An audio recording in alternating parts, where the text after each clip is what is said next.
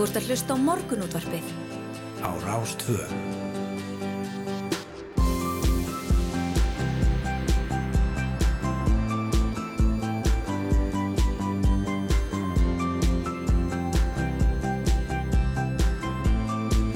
Morgunútvarpið Á Rástvö. Ég góðan og blessaðan daginn, hér tekur morgunúttorpið fallega á móti ykkur á förstu dags modni. Snæra Sindardóttir og Rúnar Róbertsson, SS og RR hér í hljóðveri 2 í efstaleiti 1. Já, það er ekki verra. Nei, Það er ekki verra svona fínt á, á þessum flotta föstu degi gaman að koma út í daginn þegar svona bjart viður, sólinn skín við, við komum hann von í brjósti um uh, ja, góðan dag allavega í það minnsta algjörlega var indislegt viður hér í e, höfuborginni í morgun. Já, Alveg indislegt. já, alveg indislegt, svona á þetta að vera er líka allt það er er engin svaka híti en það er allt í lagi Sá hins vegar eitthvað ekki viðfræðing var að lofa upp í ermin á sér hérna uh, í gær Fasta 17 stegi hýta næstu viku. Já, ég veit. ég held að allir búin að sjá það. Þetta Já. er bara, maður trú, mað, mað trúið þessu trúr sem alla sko. Nei, En uh, það eru vissulega mjög heitar tölur í kortunum hérna bara strax mándag, þriðudag og miðvíkudag. Uh, sérstaklega kannski mándag og þriðudag. Þar eru 13 gráður í hátteginu hér í Reykjavík, 12 á Akureyri og, og 10 á Egilstöðum. Þannig að þetta sko gæðunum verist vera nokkuð sko jæft skipt Já. í næstu viku. Við bara, bara eitthvað lögvar. Þetta leið mér í kjós, eins og það segja, eða kemur í ljós að hérna sjáum til hvað gerist með þetta en það var betra að fá hittan aðeins upp, eh, í tveggjastæðatörna Algjörlega. En þátturinn í dag, hann tekur ansið mikið með af morgundeginum, að segja Eurovision annars vegar og sveitastunarkostningum hins vegar. Mm. -hmm. að renna við fréttir vikunar hér um meðbygg þáttar með þeim Erni Úlfari Sævarsinni, markasmanni og atvinnu spurningahöfundi og Kristínu Sofíu Jónsdóttur, frangotastjóra Æslandik Startups og fyrirverandi borgarfulltrúa. Mm það segir sjálft að það eru sveitastunarkostningarnar í Eurovision sem að verða í raun og veru, já, mál-máluna þar. Já, já, nákvæmlega. Það maður að kíkja hins vegar á, á hérna líka uh, hugmyndina um að uh, það verið tveir fastegnasalar sem koma að þegar að vera að kaupa íbúð veist, eh, seljandi er með fastegnasala Einmitt. og kaupandi með fastegnasala sínum snærum til að semja sínum milli. Þetta er hugmyndir sem að neytundarsamtökin hafa búruð upp uh, og sendt ferðamála viðskipt og menningamálar á þeirra. Maður að kíkja á það. Einmitt. Uh, og svo er ótt að segja að morgundagurinn verður svona kallar partidagur. Uh, Já, bara, það er bara þannig. það er bara þannig. Það er bara Við þannig. þurfum að vita hvernig á að skipilegja partíið. fara ekki, fara ekki alveg yfirum í því og hafa samt uh, smekklegt, Já, já, það er ekki orðið-. Það er ekki orðið, eh, daldi vald. Það er ekki orðið seint og, og við ætlum að hérna, uh, heyra hvað þarf að hafa í huga hjá honum Gunnar Leo Pálsini. Hann er með fyrirtæki sem leigir út partidót og svona, hann er aðalega bara partipinni, hann hefur farið út í Eurovision, Já, já, þannig að hann er öllum nótum kunnugur einhvern veginn svona um þessa helgi. heldur betur. Uh, nú, uh, svo ætlum við að heyra í Sam Ryder sem er keppandi Breitlands í Eurovision. Hvorki en að minna. Við erum upptöku af, af, af spjalli við hann í þættinum. Já, sem að þið úr tókuð. Hálf átta. Ha. Sem þið hulda gest tókuð. Já, við og tókum þetta, þetta spjall og uh, það er á ennska tungu eins og í restina kemur svona smá samantækt á íslensku. Frábært. ekki kíkja blöðin. Jú, ég ætla að byrja því að segja frá því að, Tinnar Hallstur kemur hér upp Alveg rétt fyrir ekki, ég glemdi henni. Ekkert mál, ekki henni. skjálti sem byggðir á, á skáldsögu Öður Jónsdóttur og er fyrsta kvikmynd Tinnu Já. uh, já, það var tilkynnt í gæra að hún verður í um, bíóhús með bandaríkunum Kanada, Bretland og Svíþjóð Já.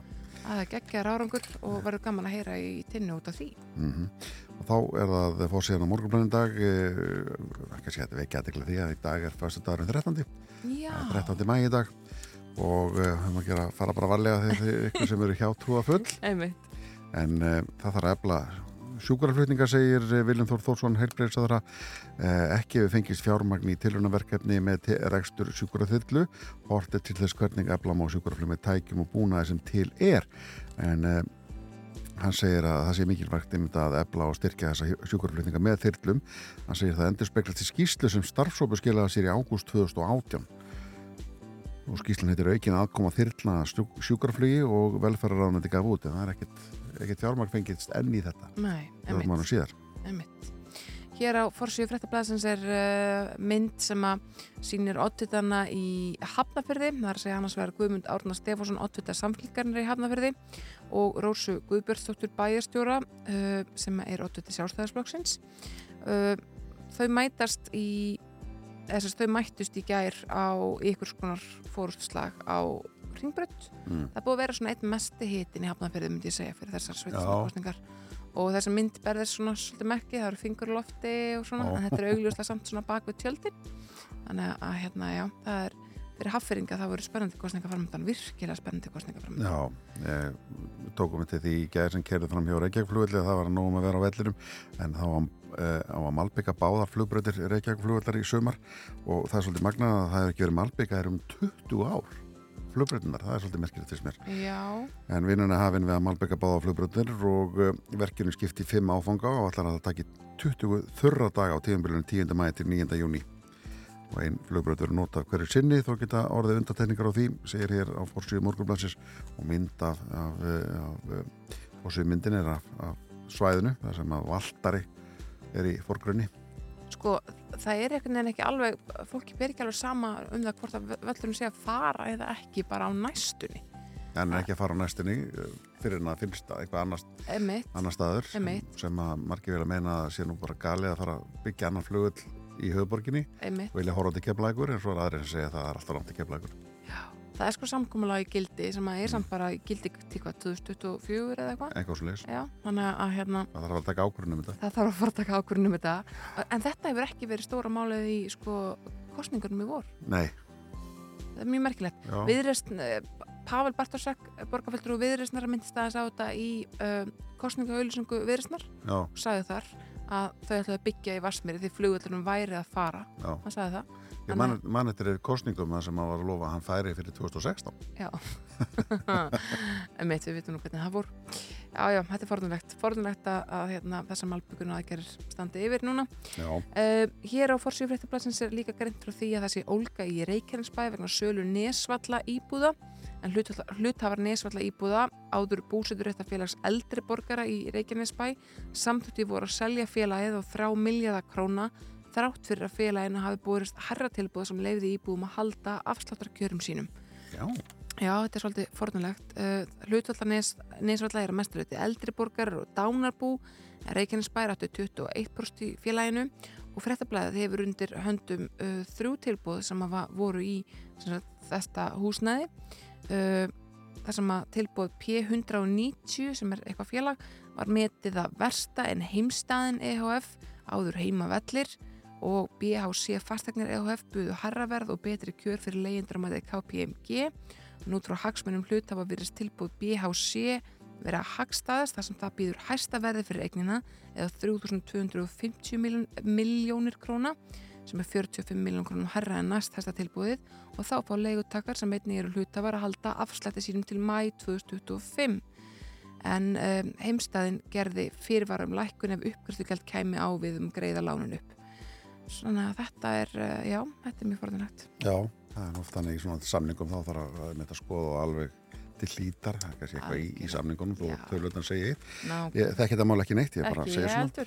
Eh, Ég veit ekki eins og hvað íbúður um ræðir. Já, ég veit það eins og þar, þekki, þekki til hann að söð frá en, en hérna áfram að fórsíðu morgunblæsins uh, grímur í tonnavísi tunnum en það bleið 30.000 tonn af heimilisorpi til sorpu í fyrra í korunum eru faraldri síðustu tveggja ára tóku grímur sitt plás í sorptunum í Íbó og höfuborgarsöðinu uh, og bílablönum ætla ég að bæta við. Sannkvæmt lausleiri áallin sorpu var 48 tonnum af grímum hendi í tunnunan í fyrra Já, Það samsvarar um 200 grömmum á manna meðaltali eða tæpum 60 grímum meðan hver gríma veginn 3,5 grömm já, 5 grömm, það er, er, er reikningskungstir. einmitt. En frétti framöndan hjá okkur, fáum fréttir á eh, slæðinu klukkan eh, sjö og höldum síðan áfram með eh, morgunútarpið eh, en eh, áður en við skellum okkur í fréttir þá er það stuð skilabóð og, og svo það segir, þá svo var það frétnar. Þú ert að hlusta á morgunútvarpið. á Rástvö.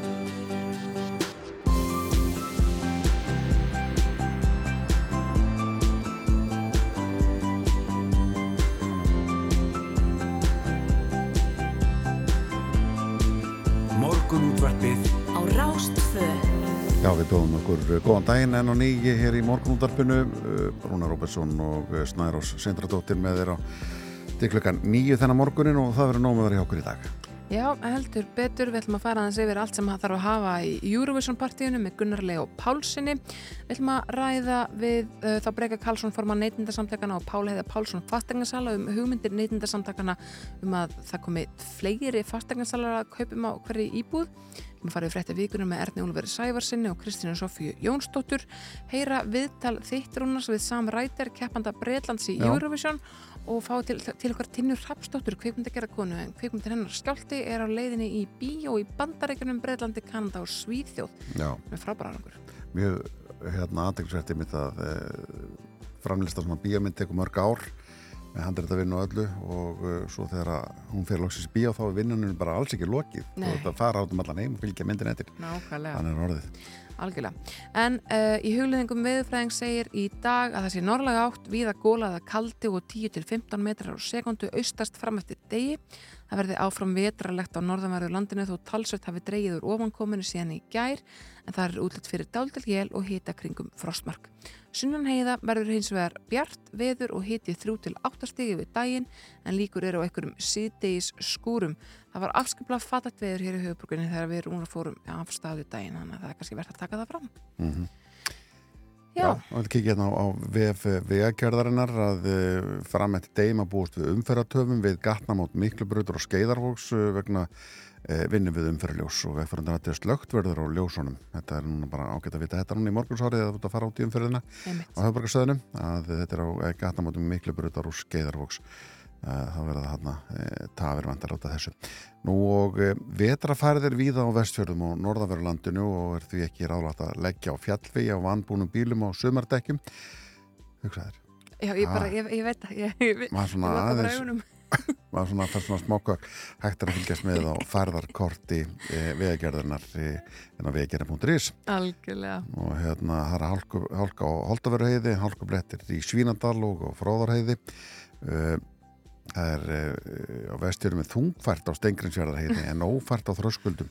Þæfingsfærð og jæligangur er í Súundafyrði snjóþekja er á Gemlufalsheiði en hálka á Haldan og Klettsháls. Hálkublettir er nokkuð víða og unnir að Mokstri Því. Mokstri. Mokstri. gangi ykkur vel bara segi þetta er besti kveður uh, vesturs uh, og Norðurland þæfingsfærði við Siglufjörðu og í Híðinsfyrði hálka er að þverjarfjallin snjóþekja á Öxnandalseiði og Siglufjörðavegi annars er hálkublettir víða já já, það er svo Þetta er svona, það er, það er svo sem, hérna, maður veldi eiginlega óska þess að veðurvísindi væru, sko, enn áraðanlega heldur en þau eru, þannig að það væri hægt að segja við fólk bara loftslagsbreytingar valda því hér á landi að það verður skýta veður alltaf, en það er ekki það er hægt að segja, sko, það er svona líkur á því að það verður meira auðgari veðurfæri og eitthvað svona Já, já. eins og þau hafa sagt, marg oft á veðurstofunni. En, en hérna, ef, ég held að ef það verður þetta fullera fyrir okkur að það er því svona mæ alltaf, það sem er urðinlega mokstri í meðan mæ og svona, Já. þá verðum við fljóta flokka ruslið og skipta á rafbílinn sko. að hætta, hætta að kera held ég. Já, e, fyrir Norðausturland er snjóþekja á flestu leiðum með ströndinu og hálkublettir inn til landsins.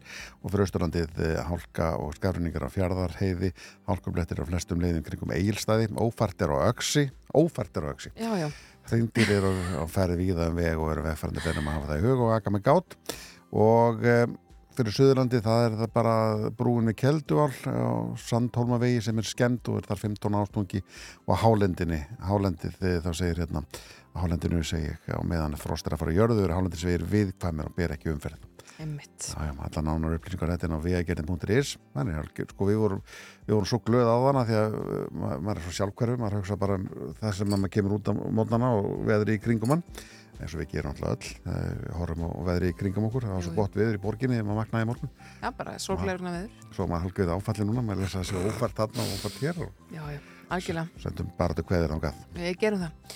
Ég held að það sé komið tíma á smá er músík það ekki? Jú, er að ég áskriði trösta og uh, hann uh, ætlar að syngja um nýfallið regn hér uh, platan hans uh, sem þetta lag er að finna á hún er tíu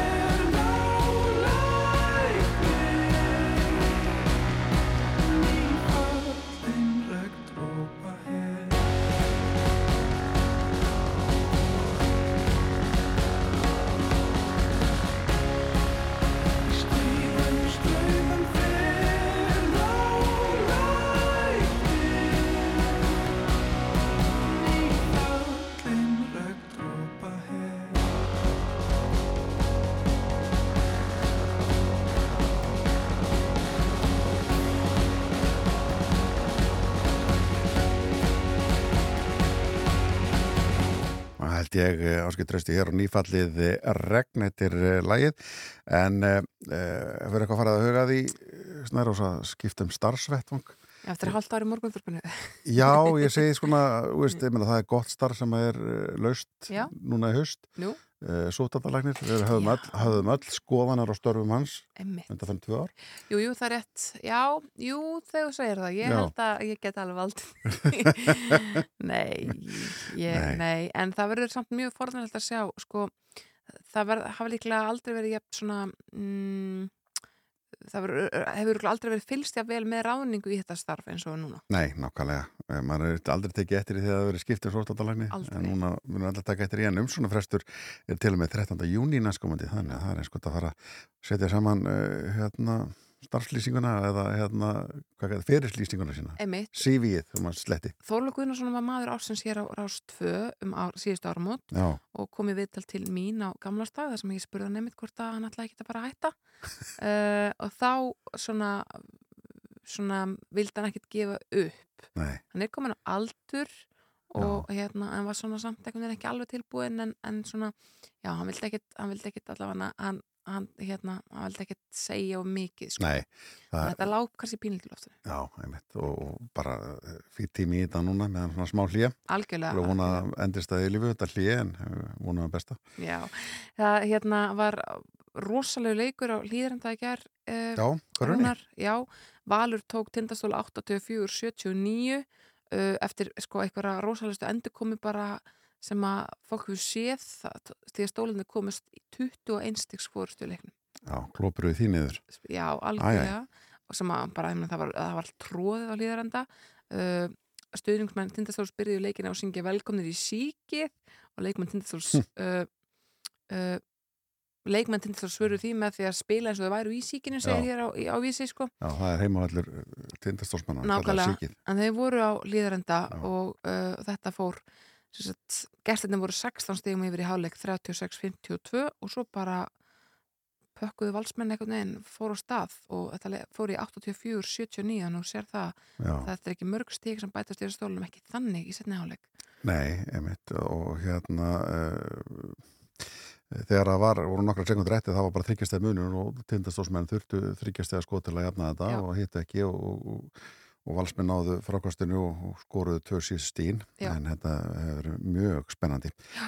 og leikur uh, sko valsmenn leiða þá 2-1 í þessu einvíum Íslandsmeistara titilinn og, og næsti leikur er fyrir norðan. Já, næsta leikur fyrir norðan, við vorum með Kertan alltaf Kertansson hérna í gæra, hans að greinda. Hans að þessi leikur væri algjörlega bara nöðsynlegur að það núna hefur, sko, sá sem hefur yfirhöndina sem eru, eru uh, valsmenn núna, þeir hafi raun og veru sko, tvo sjansa Já, til þess að taka þetta. Og þær þurfa, ef þeir vinna næsta leik í síkinu, sem Mhm. verður erfitt þá hérna þá er þeir hvað með þetta?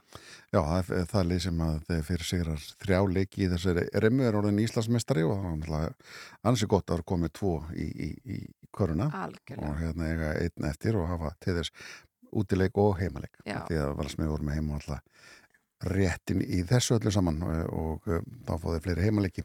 En hér er til smá stund, eh, Tína Hrafsdóttir er komin til okkar, hún ætlar að spjalla við, okkur aðeins um útráðs í kvikmyndagerð, hún var að senda frá sína fyrstu kvikmynd í fullri lengd. Hún gerst uppmyndir áður en, en þessi mynd að fá gríðalega góða, góða dóma og við ætlum að spjalla við hana hér til eh, smá stund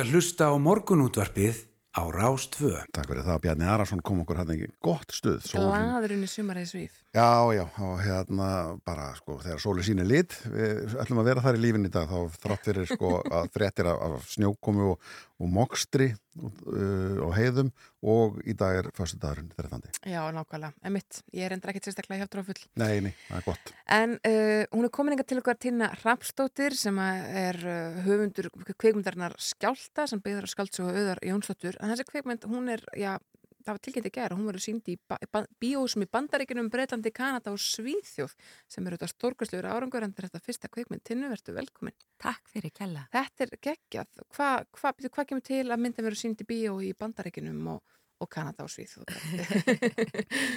Já, þetta, þetta er alveg heljarinnar, heljarinnar ferli að búa til kveikmynd og, og að sjálfsögðu geng, er, þetta gengur allt út á það að fólk sjáu myndina þína Mhm. og, hérna, og við erum svo heppin að við náðum uh, samningum við mjög öflugt og gott sölufyrirtæki sem heitir Alíf og er hérna, búið að standa sér alveg frábærlega og, og þeir bara hérna, náðu að, að, að, að gera góða samninga við uh, tvö fyrirtæki sem eru stöndug og, og, og, og, uh, og eru búin að vera tölvert lengi í bran, bransanum og, og, hérna, og við bara hérna, slóum til og bara þetta er bara algjörlega frábært að fá þessa dreifingu, sérstaklega á tímum sem þessum að því að það virðist vera svo að eftir COVID þá er fólk eh, svolítið svona sent að taka við sér að fara á Mm. menningaviðburði.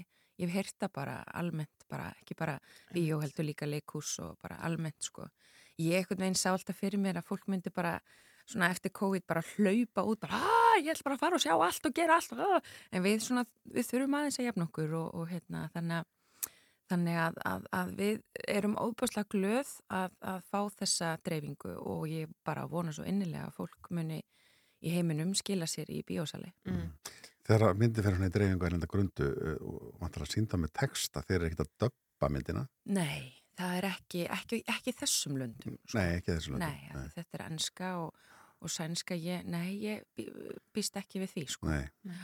Það er er bara ástkæra ílýra sem fara að heyrast í bíó í bandaríkinum. Já, Sko hún fara að heita Quake, er það ekki, á ennsku. já, Uh, þessi mynd, hún er, hún er byggð á uh, skjálta, skjáltsögu auðar, stóra skjálta. stóra skjálta, Já, emmitt, já. uh, sem að, sko, það, það er jarðskjálti í myndinni en það er líka flogaveik, ekki satt?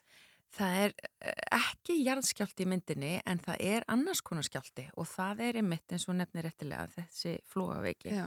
sem að lýsi sér eins og svona hálgjörðu skjálti og þessi skjálti er hennar innri skjálti, líkamlegi skjálti Einmitt. og um leið bara svona tilfinningalegu skjálti vegna þess að myndin er ekki um flóaveiki, hún er í raun og veru bara um svona þætti í okkar lífi, okkar reynslu, okkar uppeldi, það sem við höfum upplifað og hvernig það í raun og veru hefur áhrif á okkur ef að það er ekki meðhundlað, ef að því er afnitað og það er ekki tekist á við það, Já. áföll og slíkt. svona beldar minningar og Já. fólk sem bara mm, alveg búin að útúlaka þær. Já, og líka bara, þú veist, já, í þessu tilfelli er þetta beldarminningar en svo er þetta bara, það er svo, það er svo fallegu bóðskapur í þessari sögu hennar auðar að, og ég, sko, margir tengja svo við það sem að myndin er um sem að hafa séðana hér á landi og líka úti, hún er búin að vera á kvimtafestivölum út um allt líka, þannig að, að, að sko, þeir tengja svo við þetta að það er svo ríkt í okkur að eiga erfitt með að horfast í augu við sannleikan, að horfast í augu við einhverja reynslu sem við höfum orðið fyrir og, og einhvern veginn svona takast á við það Mhm. og, og, en, en eins og kemur fram þú breytir ekki fortíðinni þú, þú ert það sem þú hefur upplifað og þú getur ekki afneita því Mhm. vegna þess að það mun alltaf einhvern veginn kvíla innra með þér og, og hafa þá þessar skjálta afleðingar ef að þú einhvern veginn horfist ekki auð í sannleikan. Mhm. En það sem er svo frábært í þessa sögu er að hún er beðið svolítið upp svona eins og rannsóknarlauruglu saga og að því að hún missir minnið þegar hún fær þetta flóveikskast í byrju myndarinnar þá er hún svona smátt og smátt að koma staði hvað er satt og hvað er rétt og, og hver hún er og hún er einstað móðir og ber ábyrð á batinu sínu og, og vil svona eh, að henni sér treyst til þess að geta séð um það. Þannig að hún gefur ekki alveg uppi til hinna fjölskyldumeðlumanna hversu alvarlegt ástand hennar er. Þannig að hún þarf svolítið að fara í smá rannsóknarleiðangur sjálf og um leið er áhorfandin með henni. Þannig að ég á... Við vitum ekkert meira heldur en hún. Nei, nefnilega og það ákvað ég strax að gera þegar ég skrifaði handritið að halda þessari spennu. Þetta er ekki svona hröðmynd hún, svona, hún er svolítið róleg en hún er með þessa undirlikjandi spennu vegna þess að þú veist líka sem áhörandi ekki alveg hvað er rétt og hvað er satt. Þannig að þú þarfst að púsla söguna með henni þannig að það er ekki í raun og veru fyrir undir lokin þegar hún kemst að raunveruleikanum að við komumst að hannum líka og það er það sem að áhörundur eru svo hrifnir af að þeir einhvern veginn fá að fara í ferðarlegi með henni Já. spyrja sig spurninga og evast og allt þetta þannig að, að fólk er alveg spennt þegar það sér þessa mynd Já. Sko, uh, að það að hún farið út þýr það að þú þurfur að fara út í eitthvað svona kynningartúr eða getur þú bara verið að að næstu verkun? Ég, sko, nú var ég bara viðkjöna þetta er minn fyrsta kvikmynd í fullri lengt þannig að ég veit það ekki ég, sko, ég fylgin ef ég get þegar hún uh, fer á kvikmyndaháttir þá er oft svona alls konar vi- viðburði í kringum síningar og myndum og, og, og hittingar og svona. En hérna, ég veit ekki alveg hvernig það verður mögulega, kannski þegar hún er frumsýnd í því landi en, en, en þá bara eftir að koma í ljós finnst og- voru gaman að ferðast með myndinni Já, Já. ég trú því. Við myndum tala um það fyrir morgun að hérna, þetta er margra ára ferli Já. að skrifa og, og fara í gegnum mynd allt saman og taka sér myndina svo loksis er hún tilbúin og Já. setur hann í síningar Já. þá voru vinnun ekkert lokið. Nei, einmitt ekki Þetta er bara eins og- eins og batnið með þess að þú fylgir því bara inn í, í Já, lífið. ég veit það og þú ert líka búin að leggja blóðsveit og tár og allan þennan tíma og vinnu í, í þetta verkefni þá er bara, það sem skiptir öllu máli er að fólk sjá hana og ná einhvern veginn til áhorfanda og, Mhm. og eins og ég segja, að fá svona dreifingu er bara stórkuslegt fyrir verkefni eins og þetta það er ég bara ofsalega glöð og þakklátt Og það er að sjá hann þá í borginni, Bíaparadís og Háskólabíói. Jú, það er þetta sjá hana ennþá. Ég bara hvet fólk til þess að drífa sig að sjá hana hérna heima vegna þess að hún verður ekkit mikið lengur í bíó. Við frumsýndum 31. mars og núna er bara mæ, mæ, þannig að tíminn líður hratt en ég veit að ég er alltaf að hitta fólk sem er á leðinni og ég er búin að heyra svo gott um þessu mynd og ég ætla að drífa mig að sjá hana. Þannig að endilega bara hvi- ég hvet ykkur til þess að sjá hana í bíó vegna þess að þetta er mynd sem að nýtur sín langt best í bíósal. Já. þú veist, það er svona hljóðmyndin er mjög dítileruð og, og svo ég sletti nú á góður íslensku. En hérna hún er, hún er bara það er bara allt annað að sjá hana á kvitatjaldinu Já, já, heldur niður sjónvarpinu heima. Já, algjörlega Algjörlega. Það er nú við um fleiri myndir, það er alltaf, alltaf gaman að fara í bíó. Bíó er Já. bíó. Bíó er bíó, nákvæmlega. Það er svo leys. Tina Rapsdóttir, takk aðeinslega fyrir komuna í morgunútvarpið. takk fyrir Við förum að skipta yfir á frettastofuna, heyra smá fretta yfirlit og önnur skilabóð Já. og komum svo að vera með spori með viðtal þitt við samrættir, keppanda Breitlands í Já, Eurovision. við höldum að gerstóttir uh, hringdum í samrættir og uh, heyrum uh, spjallaka við hann hér á eftir og heyrum sjálfsögðu uh, lægið sem Já, að já. þeir, þeir eru að fá gríðalega meðberðið mitt uh, núna og uh, það er svolítið skemmtilegt að heyra honum. Hann er ofur res, hvorki mér enn minna og það svona á mótnana.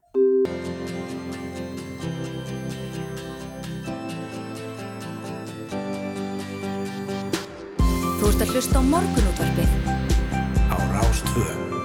Það sjálfsögðu búið að rekna þetta allt saman út að átjóndarsætið er best, Já. við erum í átjóndarsæti og uh, já, svona setjum þetta ketnina, þetta er, þetta er allt, nú tökum við þetta. Já, einmitt, Úkrænir reynda spáð sko 50% sigur líkum en Já. ég held samt að við gætum verið eitthvað lauma hana sem að, að enginn sá fyrir sko. Já, eins og kallar upp að einskona Dark Horse E- sem komin svona, svona frá óvæntri hlið þegar ekki tekur eftir okkur fyrir en allt í einu við erum bara hann á top 5 eða eitthvað. Herðu, Ég... já, algjörlega, Já. ég hérna, já, ég, já, það eru 90% líkur að Úkræna verði í topp 10 sé ég hérna. Já, já. Þetta er bara ótrúlegt, ótrúlegt. En uh, við höfum samt aðeins farið upp í uh, upp í veðböngunum, við erum í 21. sæti Já, og spurning hvað gerist núna með mótninum þegar að, að svona þar sem að, var í, í hérna var í gær? svona aðeins fyrir á smá hreyfingu sko. Líklega sjáum við hvort við fyrir mófara eða neðar. Ég vil meina það að það skiptir engumáli hvar við lendum eh, á morgun. Aðalatrið var að, eh, vera með á lögutaskvöldi, annars skiptir engumáli Já, ég er alveg hjartan að sammála. En Þetta var, var skemmtilegt í gær, mjög gaman. Já, ég sá þetta ekki. Nei, ég horfði í gær, mjög skemmtilegt. En mér fannst sko Ísland vera með alveg svona einstakt lag einhvern veginn inn í þessu kefni já. Ekki eins og neitt annað Nei, einmitt. Og uh, ég held að það sé reynda að vinni aðeins gegn okkur að lægið, uh, það tekur smá tíma að venjast, Já. en það er oft uh, hérna, merki um gæðalag þegar svo er og þetta er gott lag, gott. En, en fyrir þá sem er að kjósa og sjá það kannski í fyrsta skipti á lögðarskvöldinu, það getur verið erfitt að fá þau aðkvæði. Já, það er samt eitthvað svona, það er eitthvað drauma og ég Já, verði, já. og ég fæði þetta alltaf gæsa á þegar Ísland og stók í Eurovision.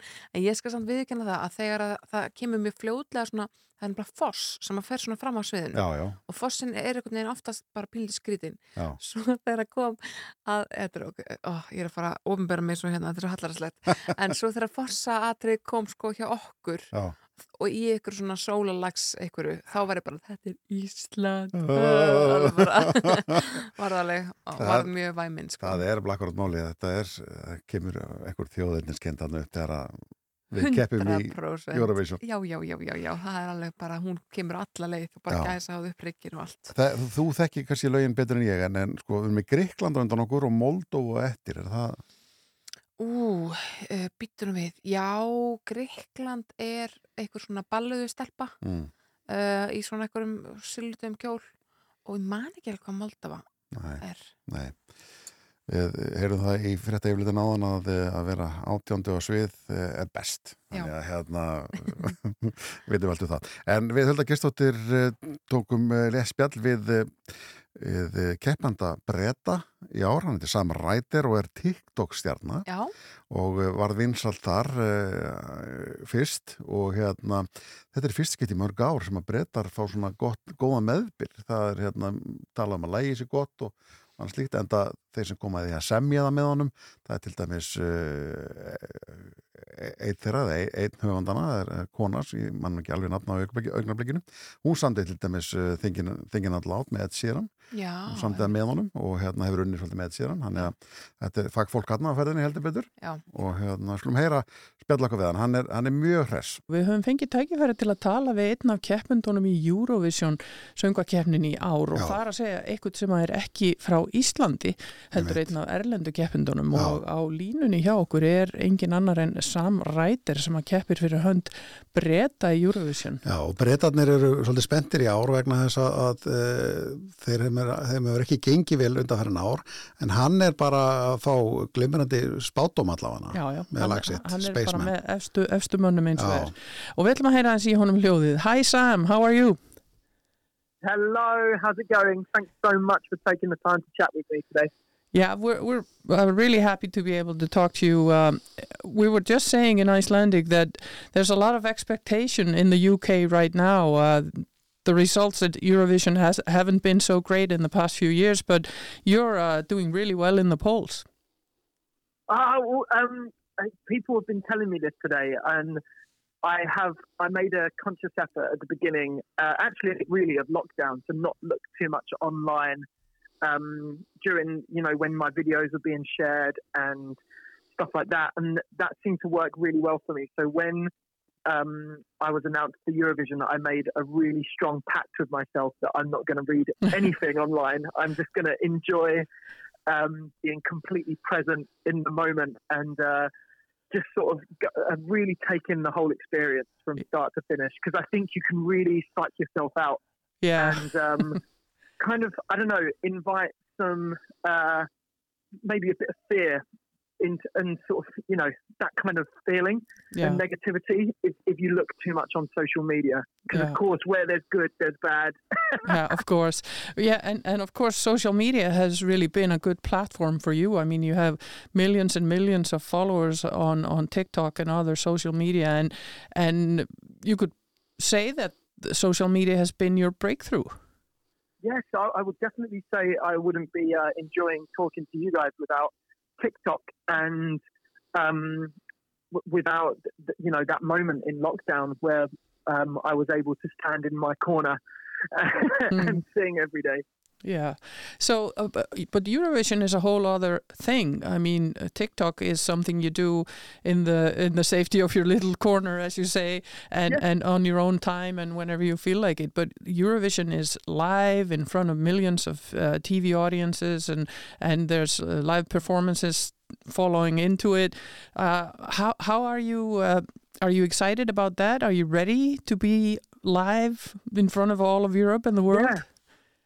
I feel completely ready. I've been singing for a long time. I've been performing for a long time um, in various bands like school bands and uh, different rock bands and singing at weddings, along with working in construction to actually pay the bills Mhm. since I was a kid. So uh, it, the only thing that's changed now is that more people are watching. But the important thing, I read a, a fantastic uh, interview with Tiger Woods recently saying that the shot is the shot. It doesn't matter how many people are on the green, Mm. it's the same shot as when there's no one. It's the same tee, it's the same ball, it's the same club. And the, uh, uh, ultimately, the very same shot that you're taking as when there are people there and when there's not. And for me, it's the same. It's a microphone, it's a room, it's my lungs, Mm. and um, my energy. In fact, the only thing that can be different is my mindset. Um, if I'm not focused, if I'm not centered, then these things can sometimes go wrong.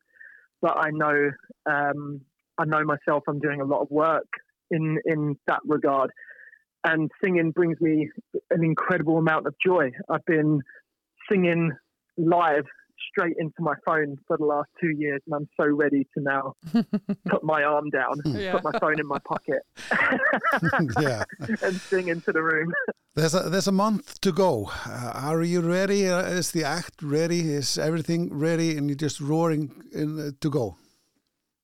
There are yes, we are we are almost um, completely ready. There are always things that you're sort of working on and tightening the screws and preparations to be made. But um, yes, I can say that we things are going fantastically behind the scenes. Yeah, and you performed at uh, at the Eurovision pre-parties already and met some of the other contestants. Uh, uh, what was Yeah. that like? really cool. Um, everyone is so excited. It's like being at the biggest school talent show that you've ever been to times a thousand. Like everyone getting like doing their vocal warm ups in different parts of the venue. People like I don't know putting high heels on in the shower or any spare corner they can find. It's amazing. It's it's like the movies. thing. yeah, yeah, yeah, exactly. And I mean, Eurovision is a is a huge platform, and I mean, we've seen bands uh, and musicians that have gone through Eurovision and become international superstars. Um is this your big break? I, I I would um for me it's something that I, I don't want to think about too much without being in, in the very present moment of it. I think where uh, singing and music in general has really been wonderful to me and for me has been when I haven't been strategic and thought too much ahead with anything. It's always about the intention, and energy that you go into something with.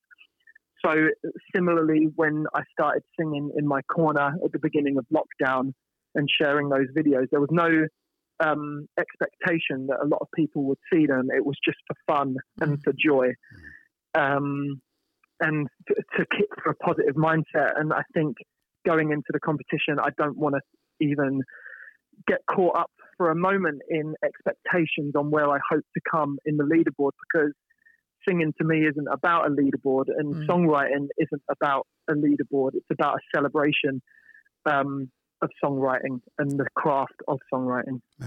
Uh, this song, what can you tell us about Spaceman? I see you're working with Amy Vance uh, on this song. She worked previously with Ed Sheeran, for instance.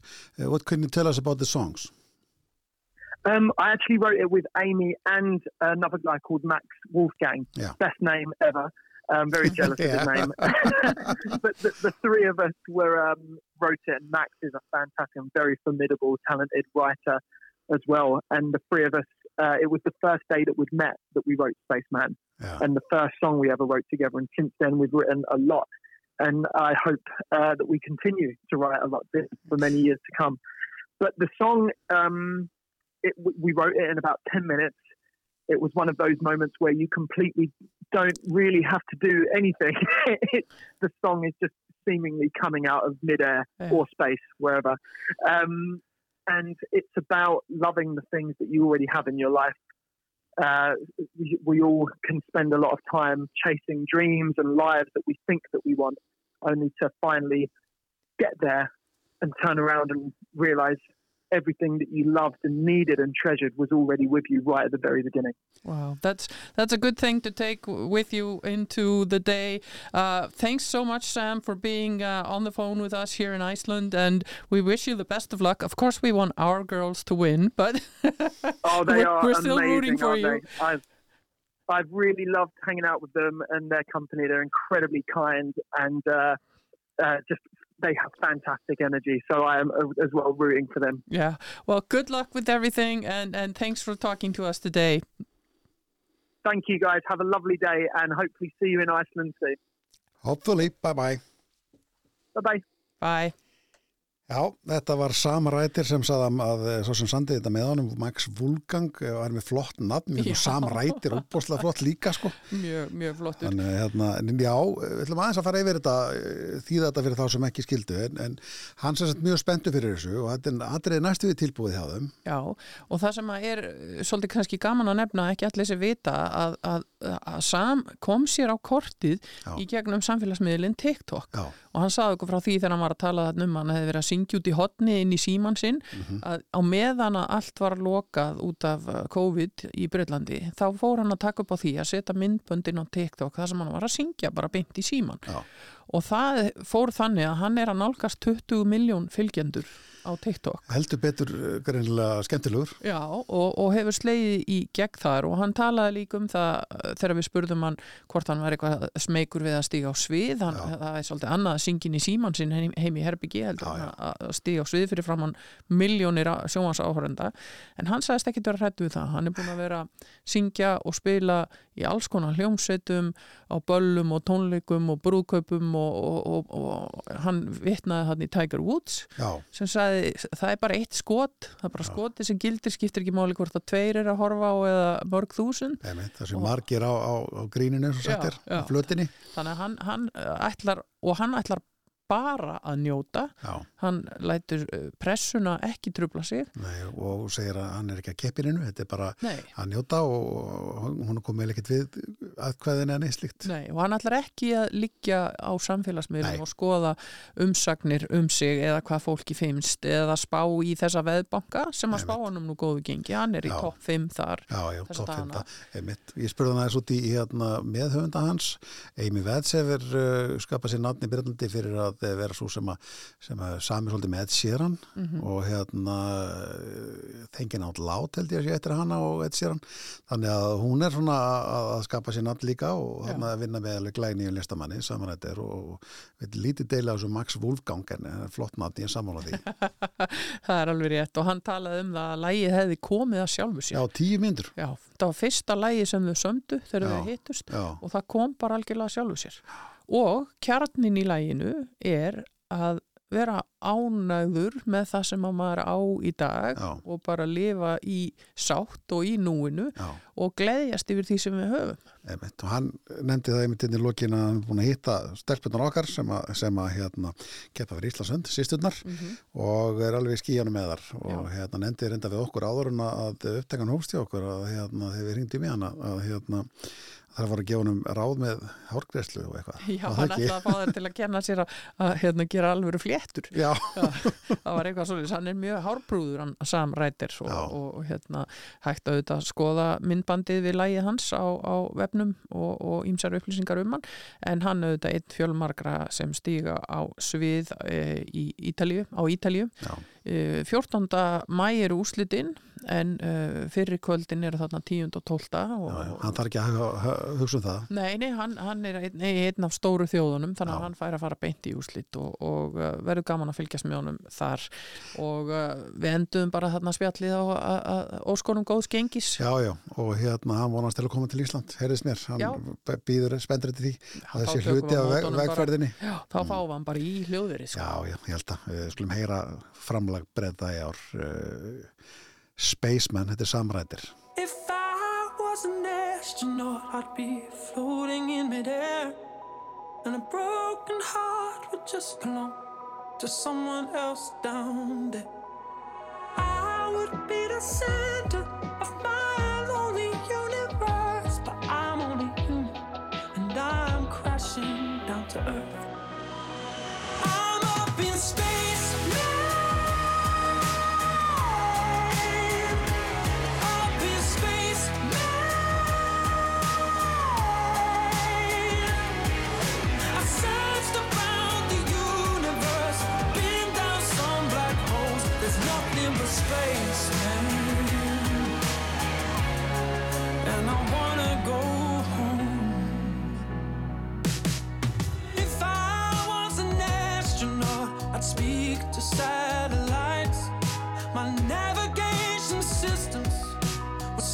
For other life.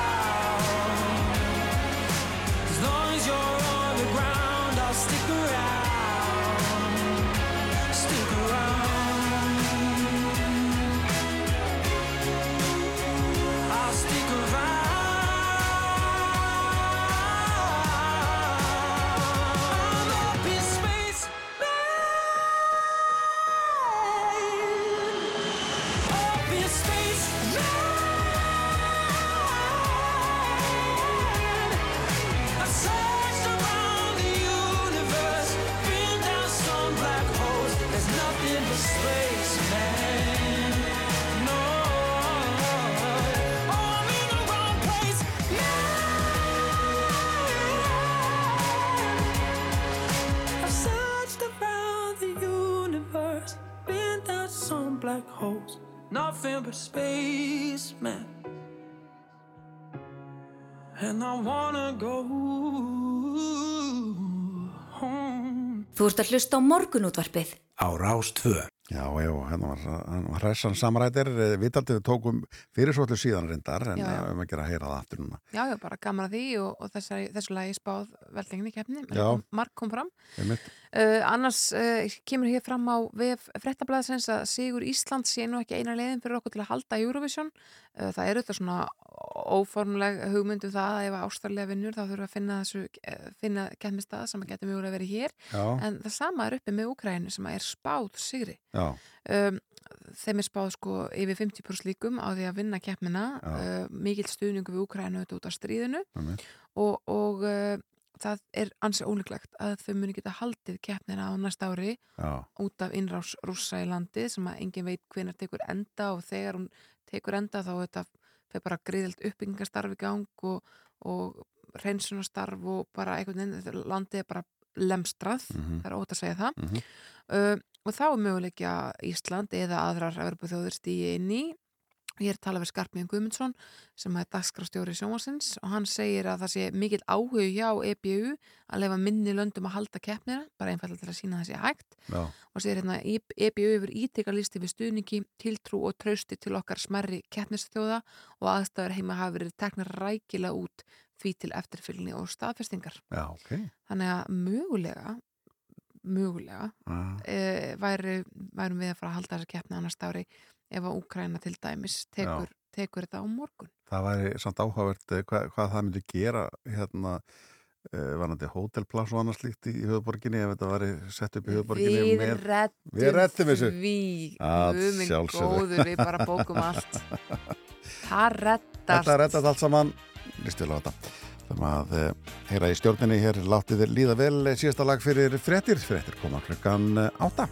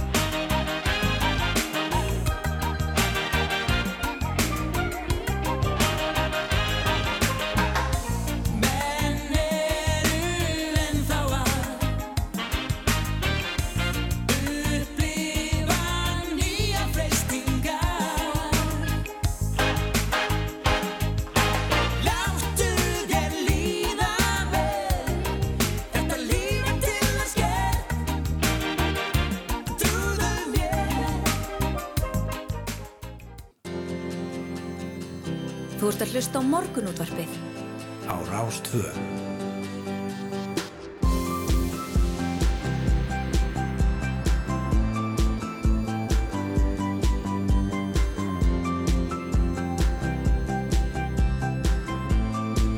Morgunútvarpið Á Rástvö. Já, já, þá haldum við áfram hérna í morgunundarpinu og fréttir að baki og þetta svona byrja maður bara vel með góða gesti í hljóðveri og það er fyrstundar stemmingi í mannskapnum Algjörlega, þið heyrðu hérna í Erni Úlfari Sævarsinni, atvinnu spurningahumundi og markasmanni sem var aðeins að bladra yfir stefi hjá okkur hér í byrjun. Hann ætlar að fara yfir frettir vikunar með Kristínu Sofíu Jónsdóttur, frangotastjóra Icelandic Startups og fyrirverði borgarfulltrúa. Eh, Það er nú kannski hæst sveitarstundakostningarnar sem að já, ber hæst en það eru þær á morgun. Verðið hjertanlega velkomin bæði tvö. Já, takk fyrir. Takk hérlega. Sko, Ég ætla að byrja að tala hérna um Finnland og NATO en kannski ef við viljum byrja einhverju öðru þá Já, við alveg gert það sko. Ég, vil líka bara fá flagga því að Örn mætti með glósur og þetta er ekki keppni. Nei, þetta er ekki keppni, sannarlega ekki.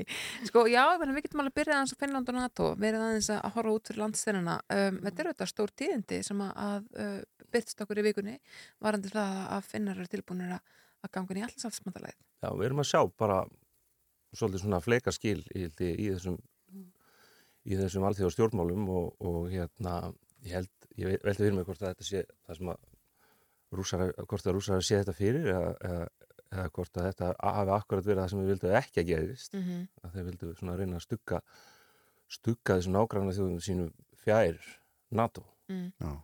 þannig að við erum að sjá á þróun og það er ekkit alveg ljóst hvernig, hvernig þetta fer sko. Nei. Nei, þetta, þetta er ennþá svolítið svona upp í lofti, hvað er þetta lendir allt saman? Já. Pútin á enga auðlösa leið Nei. út úr þessu, Nei. þessari stöðu En líka kannski svolítið skrítið að, að ef hann held að það að, að ógna einhvern veginn öðrum ríkjum með þessari grófu innrásin í Úkrænu, sko, að þetta er náttúrulega ekki skólalóð, það sem að, að, hérna, að fólk þorir ekki lengur að poti í því ef þú ert að berja eitthvað í háninu. En er það samt ekki pínu málið? Minna, veist, við erum pínu þar ennþá. Ég meina, auðvitað eigum alltaf að byrja á fréttum vikundinu að ræða þá staðrenda það er ennþá stríð í Evrópu Já. sem er eitthvað sko galin hugmynd Mhm. og bara það að, minna, þegar maður lítur tilbaka um, þá eru við í rauninni ekkit annað en eitthvað svona bæstenders á skólalóðinni enn sem komið er. Það er enginn að grípa inn í. Þú veist, ástandið er gössanlega hræðilegt. Rússar eru beinnis búin að hóta finnum og svíjum Mm. með því að þið sækjum og við, það er ennþá ekkert að gerast. Ég meina, það er skrítið að vakna hverju mótni og það er ennþá stríð, bara blóðugt innrásastríð í gangi Já. í bara við hliðina okkur. En ekki aðalast náttúrulega fyrir því að hann náttúrulega byrjar á því að segja ef einhver gerir eitthvað þá bara er, er ég með kjarnagúa. Nákvæmlega, þannig að hann hefur... Já, og, meina, og, og eðlilega, minna, þú veist, maður hefur það bara fyrst og fremst á tilfinninguna að maðurinn, ég, ég veit ekki hvernig maður nota hvað gott orð, hann sé bara svona hálf sturlaður. Þú veist, það er að segja þetta einhvern veginn virðist ekki koma úr einhvers konar, einhvers konar jafnvægi og ígrundun. Það er mjög erfitt að fá þetta allt til að ganga upp og, og, og, hérna, og svo er náttúrulega bara er mjög áhugavert líka bara með allansafsbandalægið sem er nú málumni sem hefur lengi bara klofið Já. íslensku þjóðina Já, gerir það vissulega ekki lengur og það er, þú veist, þú veist sést í því að, að hérna, okkar forsætsáðara sem að er í flokki sem að sko hefur svona, heldur vera á móti aðeldanat og hún stiður já, finna 100% og gera það örgulega öll. Í, hérna, í þeirra viljandi að, að fá meiri vernd Mhm. Já, og þeir hafa hefði ekki verið þar að, almennarsaldið í, í, í Finnlandi hefur ekki verið eh, NATO megin, hinga til. Nei. þetta hefur verið svona Þannig að, maður velti fyrir sig hvort að þau, hve- hvernig, hvernig, er mitt, hvernig það þróast sko? Hvað, hvað, hérna, hvað, hvað er almenn að finna finnst Mhm. Um þetta En fyrst viltu byrja þarna þá er kannski verðt að fara bara aðeins yfir í Eurovisiona því að fjárvera rússa eru auðvitað mjög ábyrjandi í þessari keppni, stuðningur við Úkrænu, sömu leiðis um, og svo var það, horfðið við gæra það? Nei, bara, örlittlu leiti. Já, það var hérna Ísraelsmaður sem að, að hérna, stuðið svolítið fólk að því að hann tróð sér einhvern veginn inn í ramman ke- ísraelska keppandin með kinnunum og það voru svona gárungan á Twitter voru að benda það að það var ekki fyrst skipt sem að Ísraelsmenn tróðu sér á staði það sem að þeir eigi ekki vera. Mm. Eh, þeirra vera í þessari keppni hún er í hans öðru ljósi núna þegar búið er að víkja rúsumúrin ekki satt? Það er hápóldi spurning. Já, þetta er stór spurning um einhverja söngvakeppni Það er náttúrulega, já, sko ég þekki nú ekki alveg rökin fyrir því að Ísrael sé í þessari keppnir höfuð. Nei, það er meðlemið mjög EBU sérstakt og, og hérna þetta hefur náttúrulega mjög ströngindi, menn við höfum verið með Ástralía að keppa, þetta hefur verið mjög fljótandi, þetta hefur ekki fyllt eins og segja Evrópu sambandinu, öðrum stjórnmálasamtökum, þú veist, hvað sem er. Um, þannig að maður svona, maður veit það ekki en, en auðvitað mér aðla bara sko það þau eru bara að sína sig að þau taka ekki neina pólitísk afstöðu en þau eru náttúrulega að gera það núna með að Já, rússum úr, maður finnst þetta samt auðvitað ekki annað hægt en samt er veginn bannað að styðja Úkrænu og þá ertu með pólitískan áráður þannig að maður spyr sér bara, þú veist, er hægt að vera ópólitískur að tala um Evrópu þegar það er stríð í Evrópu á hans að minnast á það. Mm. Er það yfir höfuð ekki bara pólitísk afstæða per se? Það var sko slegið á, á fingur okkar keppanda fyrir að segja slafa lokin en það er mega verið með fánan þetta er, þetta, er, þetta er allt mjög reiki og það verðist vera mjög erfitt að ætlun egnin, ég með þetta er bara píliti pólitísk keppni þó að, að þeir sem að halda hana séu mjög mikið að reyna einhvern veginn að halda í það að hún sé ópolítisk Já, vissulega og, og hún hefur verið með pólitísk til dæmis á öðrum sviðum líka eins og varandi málefni samkynniðra og annara kynja og, og hérna, allra kynja. Mm -hmm.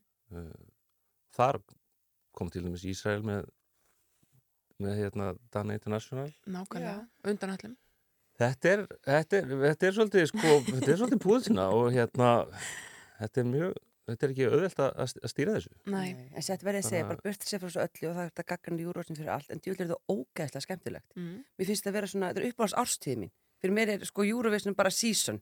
Bara frá því þú byrjar að velja íslenska lagi, frá því þú byrjar að kynna ennendulögin, undarkefnir, allt, mér finnst þetta svona. Mikið, júru Þetta er á sama tíma voru þeir að valda okkur vonbröðum á Íslandi. Já.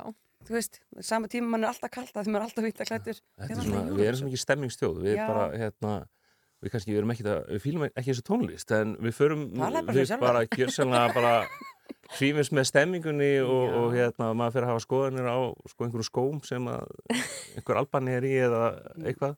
Já. Þetta er svona svipaði sem með, þú veist, þegar að, þegar Ísland er að spila í handbóltanum, handbólti er bara íþjóð sem ég engan áhuga á, Nei. en svona ef það er leikur þá fer ég og, þú veist, ég kaupa eitthvað á grilli og það er maður svona, svona fer með inn í, í stemminguna og Fimmsti hiti, lamb á grillið. Þetta er bara... einhver, já, bara hérna og, og, og talandi um náttúrulega að að hérna við erum náttúrulega þegar búin að vinna Eurovision Já. að sem er okkar sigur er náttúrulega fælst í því að hafa komist áfram Já, er og Danmörk ekki Já, já. Já, Nákvæmlega. það er alltaf. Danir, Já. það er bara, þú veist ef þið hefðu unnið frakka þarna í handbóltaleiknum akkurat. þá hefðu þið kannski kosið ykkur sko hvernig fór leikurinn í gerð? Var ekki stór leikur í korfinu í gerð? Tindastóð, Jú. Valur, vann. þriðileik og hvað Valur gerð? vann. Valur vann. Já, Valur leiðir eftir að hafa tvö. lent 21 stíu undir í leiknum. Þannig við, að þá ska, allt við opið, það skafum ekki? hérna tökum þetta í næstu tveimur Já, einmitt. En, en ég- að því við vorum að tala áður við eh, hérna, skiptum úr Eurovision þá við, vorum við að hlæja því hérna að ég var aðalega að hlæja því að Freyr G. Gunnarsson fréttamaður hérna, hann er með eina íslenskustu frétt sem að, ef ég var hægt að orða það þannig sem að hefur verið gerð en, en að vera átjándu á svið eh, annað kvöld að, að það er best það er best að vera átjönda að Já, hérna það hefur verið reiknað út ekki vísindarlega staðfest að átjöndasetti sé best það er árangur. það er mjög íslensk frétt fyrst mér, Hvað hvernig haldið við þið að- horfum á þetta hvað haldið þið að verði? Ég er sko búin, ég er í svona rauðvinspotti í vinnunni. Já. Ég er búin að spá okkur sjönda sæti. Ég er búin að vera nokkuð bjart sín, sko. Já, þú ert að fara að tala, nei, ég segi svona Það er, það er mjög bjart sínt. Það ég var búin að segja finnst mínu bara, bara bú, búið grundum, við erum ekki að fara áfram þú veist, krakka mínir, það er bara fullt af fólki um því Európu sem að kannski finnst þetta ekki besta lag heimi Nei. En þetta er gott lag. þetta Já, er nefnilega gott lag Já. Það kom, og, og það náði í gegn. og ég hef áhyggjur af því, ef maður sendur gott lag bara það getur verið svolítið Já, Það að því er sko. flestir sem kjósa að heyra það breinsunni já, En mér finnst það okkur að vera svo snildi við þetta lag. Þetta er svo ótrúlega, mér finnst þetta ekki einu sinni neitt sérstaklega, sérstaklega skemmtilegt lag.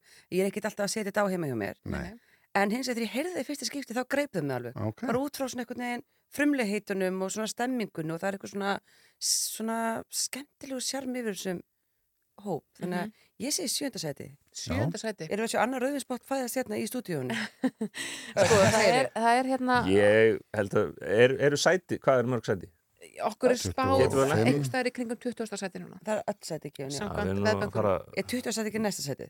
Nei, nei, nei, nei, nei. 24. Já, en, 24.. en, en nota bene þá sko eru veðbankarnir þeir þykja almennt lélegir í að spá bara öllu sem er fyrir neðan Já. 5 eða 7 eða eitthvað sko þú veist þar er bara, er þetta í træri grötu sem þeir okkur vantar náttúrulega eigin veðbanka við erum ekki með veðbanka sem að Nei. Nei. En kann þetta líka, sko. Þurfum líka þess að Common Linnets, þeir voru ekkert spáðunett áfram, langt áfram þegar þeir komist. Hollandska leiðis nætt í öðru sæti og svipar svolítið til. Þeir fóru í þess að country, country style. Þannig að það er alltaf þessi dark horse og ég ætla að bara... ég verði til að vinna hjá þessum við veðböngu bara. Okay, já, nú, nú, að í þú að setja niður og nú ert þú að setja niður og hérna hlusta öll lögin og, og reikna út hva, hvert er líklegast til að vinna og Já. hvernig reikna þetta út? Þeir Hva, þetta þurfa að meta sko, hérna, Skoðaði samfélagsmiðlum og annars lík hvað er skoðaði það en Íslandi gengur alltaf vel á blaðmannfundunum Einmitt, en þeir skila engu er það nokkuð, þessi blaðmannafund eru Nei. blaðmann á þessum fundum, ég veit það ekki. Nei, Já, ég meina, jú, það er blaðmenn en er einhver að horfa á þessar blaðmannafundi sem er að fara að kjósa? Já, ég menna, eru þið búin að sjá blaðmannafundin hjá hjá einhverju öðru heldur en Íslendingum? Nei, Nei, ég held nefnilega ekki þetta sé að fara neitt víða, sko. Nei, það er bara málið, þetta er, já, þetta er frálega Já, já, Já, Eh, við þurfum að koma okkur að efninu og það er auðvitað stóra málið fyrir um, morgundaginn, þar að segja að það eru sveitasmannakostningar Mhm. uh, Kristín, þú hættir sem borgarfylgur á samfélgarnar þessu kjörtímabili uh, fóst í bara annan bransa Icelandic Startups, yngdir upp eins og sagði hérna áður en við hófum útsendinguna sko, uh, byrjum bara þér ég meina, er fyrringurður, finnst þér hérna erfitt að setja hjá þessu sinni? Nei, mér finnst einhvern veginn, þessi útskriðsendur í fólki, þetta var bara svolítið svo góður skilnaður Já. þetta er eitthvað sem gerist á réttum tíma þannig að hugsa hlýlega til borgarnar, hugsa hlýlega til og- sem er núna í kostningum en finnst ekkit erfitt að vera að gera eitthvað allt annað núna Mhm. en sér verið líka að segja, ég verið að koma að að við erum svona búin að skipta um nafn og heitir núna Klag Já, tókum aftur upp gamla nafnið heldum þannig þetta var, hliðarnóta en ég verð að segja sko, ég veit ekki hvort það sé af því að ég er í fyrsta skipti í sko 12 ár þar sem að ég er stend utan við þetta en mér er búin að fara ótrúlega lítið fyrir þessari kostningabaratu Mhm. eina sem ég sé af henni er einhvern veginn Dag B. Eggertsson á strætóskilum. En það er líka bara því að aðstöðum hans pantaði fyrir fjórum árum síðan öll, sem er er mest briljant sem ég veit um en mér finnst einhvern veginn það er svona, mann upplifir ekki mikið maður sér svona aðlafa ykkur svona prent og skiltauðlýsingar, ég veit það ekki ég, ég, ég verði ekki mjög var við þessa kostningabaratu Það eru svolítið útasauðlýsingar þar sem að frambjöður að tala til hlustandans. Já, Það eru svolítið um það. og svo finnst mér þetta eitthvað svo skrítið þú veist þarna slagorð sjálfstafsflokksins er einhvern veginn að bóða breytingar meðan að þú veist öll senstu kjörtumbil hafa snúist um það að það er búið að vera að gera ótrúlega mikið að breytingum og sjálfstafsflokkurinn hefur verið að berjast á mótið þeim þannig að það er líka einhvern veginn svona öfugsnúið hvað þýða breytingar núna þýða þær hvað? Breytir Marg- tilbaka kannski? ég breyti tilbaka eða þú veist, mér er þetta að vera það er til að tala um einhvern veginn svona að þau þurfa að fara að breyta en þú veist, óanæ, óanæjan óanæja íhaldsins þessi þrjú kjörtumbil sem er búin undir með, með samfélkingunni í stjórn er þarna er það að vera mótmælbreytingum Mm. Þú veist, það er þótt breytt og mikið.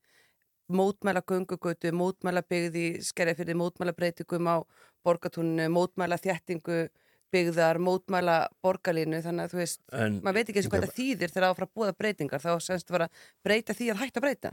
Eða ég, literally, ég er ekki að reyna að vera eitthvað svona sniðug eða leðileg ég er bara að Nei, nei. segja, ég kannski raunverulega að, það sé svona off-brand að vera búða breytingar en vera íhaldsflokkur já líka bara þú veist hvað þýð, ef þú ert búin að vera á mótu öllu allt Svo eru einhverjir sem segja að dagur sé kannski búin að vera við stjórnfólinn svolítið lengi Mm. uh, í, í kapraðum uh, hérna áttutana hjá, hjá uh, stundinni þá svona, varð svona smá svona vandraðgangur ekkert morða þannig þegar að meirildin var spurður ef að meirildin heldur hver verður borgarstjóri Mhm. og hann var ekkert eitt sem sagði já ég held nú að hérna starfflokkar ráði miklu þar já, já. og, og þær sem eru með honum sérst, hjá VFG og viðreist og svona veru svona já við vitum það nú ekki alveg og, og það er hérna uh, þetta er allt saman flókið og kemur í ljós og, og þetta snýst ekki um borgarstjórun og svona. Ég meina, hvað segir þú? Er, er, er fólk verið leitt á degi? Er það, er það vandamálið? Uh, það er alveg ljóst að það er, það er hópur sem að lætur dag fara alveg óstjórnlega í töðunar sér og er mjög hávær há, hávær með, með þá skoðu sína. Ábyrjandi á samfélagsmiðlum? já, ábyrjandi samfélagsmynd þannig að það er svona hann, hann fer í töðunar á einhverjum. Uh, ég manum þegar að Daví Oddsson var búin að sitja lengi á sínum tíma þá fannst fólki það að vera kostur jafnvel sama fólk og, og, og hérna hvert að núna er að vera dagur hefur lengi. En þetta er ekki nema kannski 30% borgarbúa, það var konur núna í vikunni þar sem að segja hann að hann fær meira fylgi í borgarstjórastólan heldur en samfylgingin fær. Já, hann er náttúrulega líklega bara einn vinsælasti stjórnmálum að landsins ef, ef telur þannig mælingu en uh, náttúrulega það er bara mjög eðlilegt þegar þú er búin að vera lengi að, að einhverju svona vilji sjá bara nýtt andlit og, og Þetta eru hérna tvö kjörtjumbil sem hann er búin að sitja sem borgarstjóri. Borgarstjóri, já. Já, af því að þar á undan var auðvitað Jón Gnær borgarstjóri. já, já, svo var hann 100 daga þarna í Já, fyrir lungu. já, bara undan því. 2006-2010 Já, emitt. En Hanna Byrna var borgarstjóri þegar Jón já, tók við. nákvæmlega, hann tók hann 100 já. daga meirhlutan Hann Nei, er- menn ég held að sé líka bara um, þú veist, eins og sé, margir láta dag fara töðunar á sér, margir tristunum, þetta er svona náttúrulega stabíl einstaklingur, ég er svona, ég er náttúrulega dagskona, ég vil alltaf sjá hans að borgarstjóra áfram. En þannig ég held líka að gaggrinni, þú þarf líka bara að finna til eitthvað, það er bara staðrind að hann er búin að vera lengi í borgarstjórn, það er bara staðrind að hann er vera mjög lengi uh, viðlóðin stjórnmál í Reykjavík fyrst sem óháður síðan sem meðlum við samfélkingarnar um, þess að gaggrinna þá getur bara bent á það en ég veit ekki eins og hvað á það á alltaf að þýða. Þú veist, er það alltaf slæmt að vera lengi í sama starfinu á sama vinnustöðnum? Gera það okkur öll óhæfari að vera ykkur staðar lengi á sama stað, ég veit það Er ekki. samt ekki gott að breyta til og hérna láta aðra komast að? Jú, 100% þessu fyrir mig, ég var búin vera 11 ár, ég gjörsamlega þurfti að hætta að breyta til að því ég var algjörlega búin. En ef þú skiptir úr því að vera borgarfullur eða vera borgarstjóri þá er það algjör breyting á því hvernig þú starfar og hvað þú ert að gera og, og bara hvernig eðli starfstíðins er. Mhm. um, ég veit ekki, ég held einhvern veginn að eins og sé, ég, ég væri alveg til í að sjá meira fútt í þessum kostningum Já. Vist, ég væri til að sjá meira, meiri, fleiri leiðt og fleiri fólk berjast um það að vera borgarstjóra. Mann líður eins og einu fólki sem er raunverulega síðu þarna til þess að stefna á það að vera borgarstjóra séu Hildur Björnsdóttir og þetta Mm. er sjálfstaflokksins og Dagbjörn Ekkertsson og öll hinn séu svolítið að býða eftir því að vita með hverjum eigið að vinna og hvort þið fá að koma staði í meðluta Mm. maður sér ekki þess að grætti að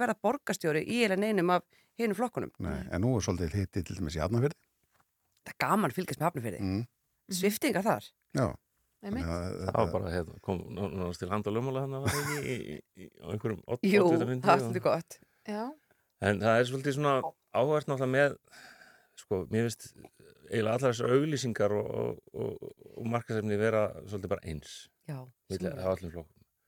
Það er, oddvitin er trompaður upp um, og er bara í 99% af efni sem er kannski, þú veist, bara eðlilegt kannski þegar að þú þarfst að leita leiða til að einfalda skilabóð og, og, og hérna vera svona með konsistent skilabóð Mhm. uh, það, og það sem að kannski kemst í fjölmila er nú, eh, svona hafandi verið kannski nokkur svona viðlandi kostningabartur að, að, þá er alltaf svona frústrandi fyrir það sem er í kostningabartu og þú ert að gera alls konar hluti sem að ganga rosa vel fjölmil hafa engan áhuga því sem að þú veist, gengur vel, þú kannski, Nei. þú veist, heldur Já, já. konukvöld þar sem að mörgundur konur koma saman og, og þú veist, það er enginn segir frá því eða þú, þú hérna lappar um árbæin og dreifir þúsund rósum og það segir enginn frá því en sko, um leið og gera hérna prentvillu í, í hérna auglýsingu eins og kom fyrir hérna í hafnafinnunum það sem já, að hjá Vafki Já, Já, Vafki X- auglisti XVD. hérna hvað, setja XVD Já, þetta er svona inn í, að átvitin þar heitir Davíð og fólk er svona með það í vöðaminun eða þú ætlar að kjósa Davíð þá, þá setur XD þetta kemst í fjölmila það kemst í fjölmila þegar að uh, kemur skrítið mynd að Kjartan Magnúsinni að hjóla með hjálm sem að virðist vera öfugur á og, og hérna það var þetta mjög fyndið. Mér finnst alveg það, það átt alveg erindi við fjölmjöla mér finnst, það svo fyndið þessi mynd. Það minnir bara á, hérna, minnir bara- á uh, moment sem var hérna í fórsetakostningum bandringum 88 þegar að frambjöðandi demokrata Mikael Dukakis létt plata sig að, að pröfu kera hérna, skriðdrega og var með hjálm þar við, við, við, í þessum tilhörnakstri pröfu akstri og það náðast á hann svona vandrarlega myndir og hérna það var talið hafa átt stóra þátt í að hún gekk ítlið þeim kostningum að vera með aðstæðanlega hjálm. Uh, hins vegar veit ég að kjartan er hjólræðamaður Já, og hérna, hérna bara sá hann á hjóli, bara núna á káarvellinu um daginn og hérna hann var þetta ekki með hjálm frekar en ég og Gísli Martin sko. Við komumst eiginlega ekki lengra, sko bara rétt í lokin, hvað ætla að gera um helgina svona annað en að kjósa og horfa á Eurovision? Er eitthvað Eitthvað annað að annað gera? er eitthvað annað? Nei. Já, ég ætlaði að passa fyrir sýstu mína Já. manda mín staðfest og hérna, hún er frá að stekka húsið sitt þannig ég ætlaði að vera ekstra í fjölskylduhús í tauga áfalli með ofmörg börn og vonu bara að það gangi vel Ok. ég ætla að undirbúa bara stemmingu sumars ég er að þrýfa grillið ég þarf að hérna, svona, gera það klart fyrir átökin í hérna, stemmingunni og hérna bara já, svo er maður alltaf bara að setja sig inn í þessi lög og, og hérna, stefnum allir hýta bylgu eftir helgi þannig að grilli verður í mikill grillur er mikið notað, það verður heitt Algjörlega, það verður heitt. Örnulóf Sævarsson og Kristján Sofía Jónsdóttir, takk kærlega fyrir komuna í frettir vikunar. Uh, fyrir. við uh, ætlum að fara og heyra aðeins frettævilt hjá frettastofunni og, og svo að koma að vera með spori ræðum aðeins nýjar hugmyndir neytindasamtakana um uh, já, að það komi fleiri að fastangaköpum heldur en einn fastangasali. Já, það er hérna handa við hotnið og svo fá svona spá, smá partileifinningar í lok þáttar. Nákvæmlega.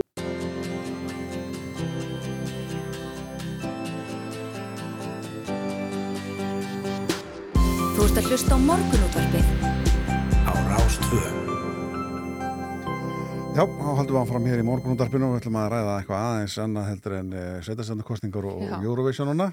Aðeins að, venda hvað okkur kross. Já, aðeins að, að, að skipta, skipta um gýr en uh, Bryggi Karlsson formaði neyndindarsamtakana og Pálliða Pálsson uh, fastegnarsali eru mættir hérna til okkar velkonin drengir. Takk, takk. Uh, Bryggi, þú, þið sendið uh, ferðamála, viðskipt og menningamálar á þeirra tillögur og úrbátum til að slá að hækkan hús, húsnæðisverð. Farða það sér við það, af hverju sendið þetta? Eh, Er þetta veginn frumkvæði, eða voru byggðin um þetta og hvað fælst í þessu? Já, við hefum verið að velta fyrir okkur hjá neytindasamtökunum lengi og Mm. hugmyndum um að e, hvernig ég aðeins að kæla niður þetta hraða ferli. eh, í fastegna viðskiptum sem hefur verið undanfærin ár og til okkar hafa leitað eh, fjölmargir hérna, með allskins vandræði sem tengjast því hversu hratt þetta ferli er Já.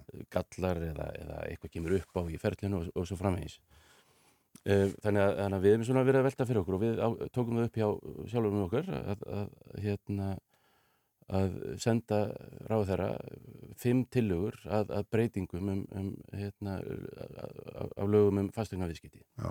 og þetta er svona þessi, þessi, atrið sem okkur þykja brínust að séu, séu rætt og, og meðal annars er að, að, að sérst, ef ég má telja þau upp þessi fimm atrið sem við sendum þá er, eru það hérna, að við viljum að séu tveir fastegnasalar uh, að, að hérna, einn aðili getur ekki í öllum tilökum uh, hérna, gengið uh, eða, eða, eða gætt hagsmuna beggja aðila. Uh, það, það eru koma hérna árakstrar og, og svo eru líka aðstöðumunur að, að, að það er alltaf sölu aðilinn sem ræður fastegnasalan og, og kaupandinn þarf alltaf að nota þjónustu hans jáfnvel þó að, kemistrían millir þeirra sé ekkit, ekkit endilega góð. Þannig að það er miklu hendur að, að hvor aðilum sig ráði sinn fulltrúa. Uh, síðan viljum við að, að það sé að, að húsnæði áður en það er selt sé ástandsskoðað. Og það er hægt að gera með margvíslum hætti og, og hérna, en það, við sjáum það að, að fólk er lendi í miklu vandræðum og þetta er oft mjög stórar uh, hérna uh, stór vandræði sem, sem fólk er að lendi í kostnaðasamar og, og það er uh, hár þröskuldur hérna, til þess að fara fyrir eða, eiga einhver, einhver, einhver drétt. Þannig að það er mjög gott að, eða 10% af, af, af kostnaðinum. Þannig að það er mjög gott að, e- hérna, að hafa þá ástandsskíslu fyrirfram og vita það. Síðan viljum við að, að ferlið sé aðeins, aðeins hérna, hraðin á ferlinu sé lækkaður eh, aðeins Mhm. að það sé kælitími 24 tímar frá því að íbúðu seld þangað til að það er hægt að bjóða í hana. Bara þannig að fólk fái ráðrúm til þess að skoða íbúðuna til þess að hugsa málið og, og koma sínum málum í gang og, og síðan hérna, eru, eru tilbúðin gerð.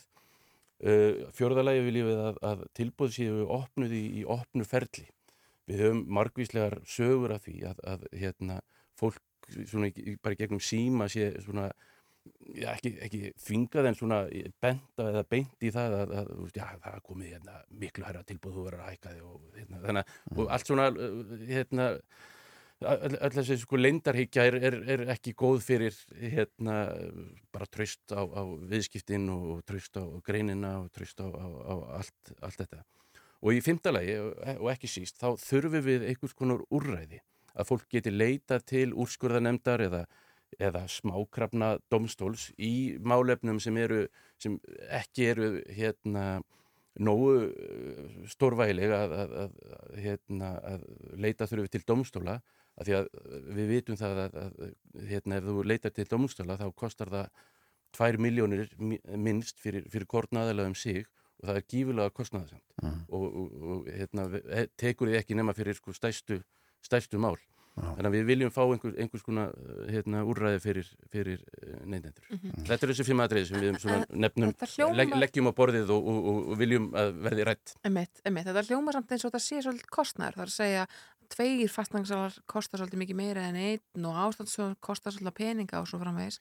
Sko, e, þið fastnangsalar, ég meina hvernig væru þið til í þetta, opið ferlið að, að þú veist hvað er búið að bjóða móti og, Mm, og þetta verði þetta kapplaup og emitt það, þið séu kannski að díla við einhvern annan fastnangsalar hínum einn í staðan fyrir að díla við, við kaupendur sem eru desperate í að, sem að nota enskuna í að, hérna, Já. örvendingafullir í að koma undir sér þakkinu Akkurat, akkurat.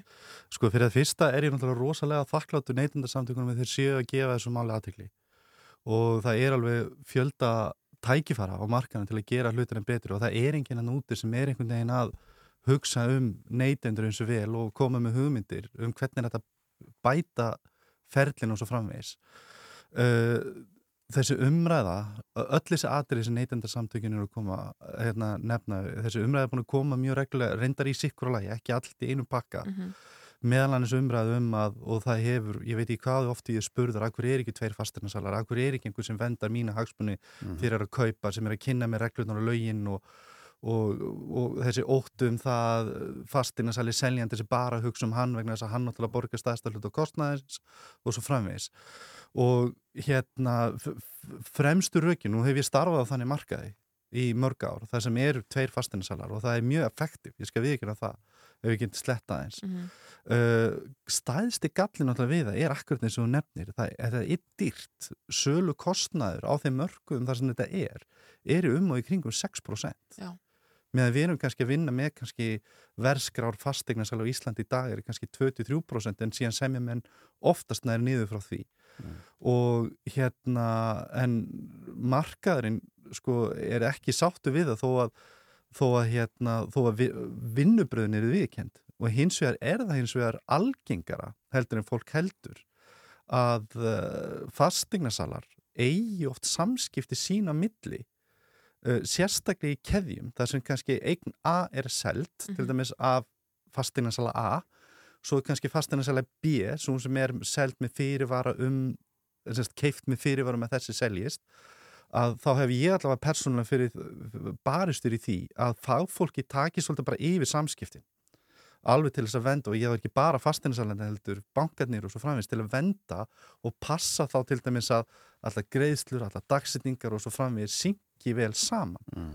þannig að í praxis virkar þetta vel en það sem raun og veru dreipur þessu hugmynd og það eru mjög fáir markaðir með þetta að, að með tvo fasteinarsala en ég skil alveg þessa umræðum hagsmunagessluna og raun og veru hefst hagsmunageslan fyrir kaupandan á vegum fasteinarsala á Íslandi algjörlega upphafi. Það er að segja leið og lapparinn í X sem þú ert að fara að taka í sölu þá færður raun og veru sem seljandi yfirheyslu frá fasteinarsalunum, ok mér langar að sjá fundagerðir, mér langar að sjá uh, hérna, einhverja viðhaldssögu, hvernig er ástand á þaki hvernig er ástand á ramagni þú veist, er búið að endjunni hitt og þetta og það raun og veru byrjar Já, en, en, hagsmunagesla fyrir kaupand Já, en eins og Bryggir segir sko uh, sá sem er að fastegnasalinn sem er að selja, hann er náttúrulega Mm. er á prósendum og því, því herra verð sem hann fær fyrir íbúðina því að betra fyrir hann.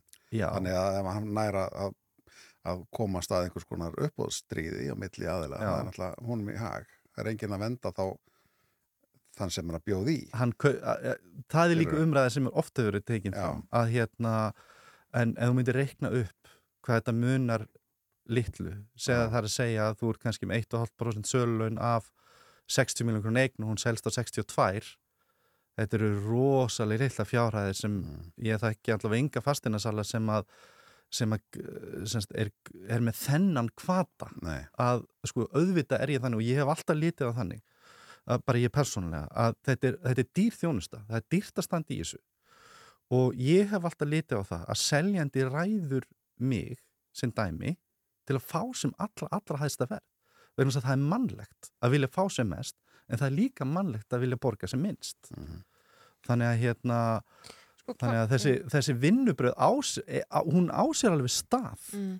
að kaupandir, nei fastinasali kaupandir seljandi er að tala saman sko. Hvað segir þú við þessu Breki? Sko, í fyrsta lagi þá er náttúrulega hérna, þetta er kannski li- litlar upphæðir hérna, 1% af 1 miljón er, er hérna, uh, 10.000 krónur Mhm. hérna, og, og, gott og minnist á það að, að það er samningafrelsi og, jafnvel þó að, og, og við hvetjum alla til þess að, að semja um lægri prósentu heldur en heldur en uh, uppgefið er í verðskrám fastegnarsala. Við, Mhm. við þekkjum það að, að það er alltaf samið niður og, Mhm. og uh, algengt verð uh, bara svona hérna, sem við erum að heyra er í kringum 1% Mhm. og það er nefnitt dæmi sem formaður félags fastegnarsala tók í gær, það var nefnitt af, af 1% 10.000 krónur af 1 miljón Mhm.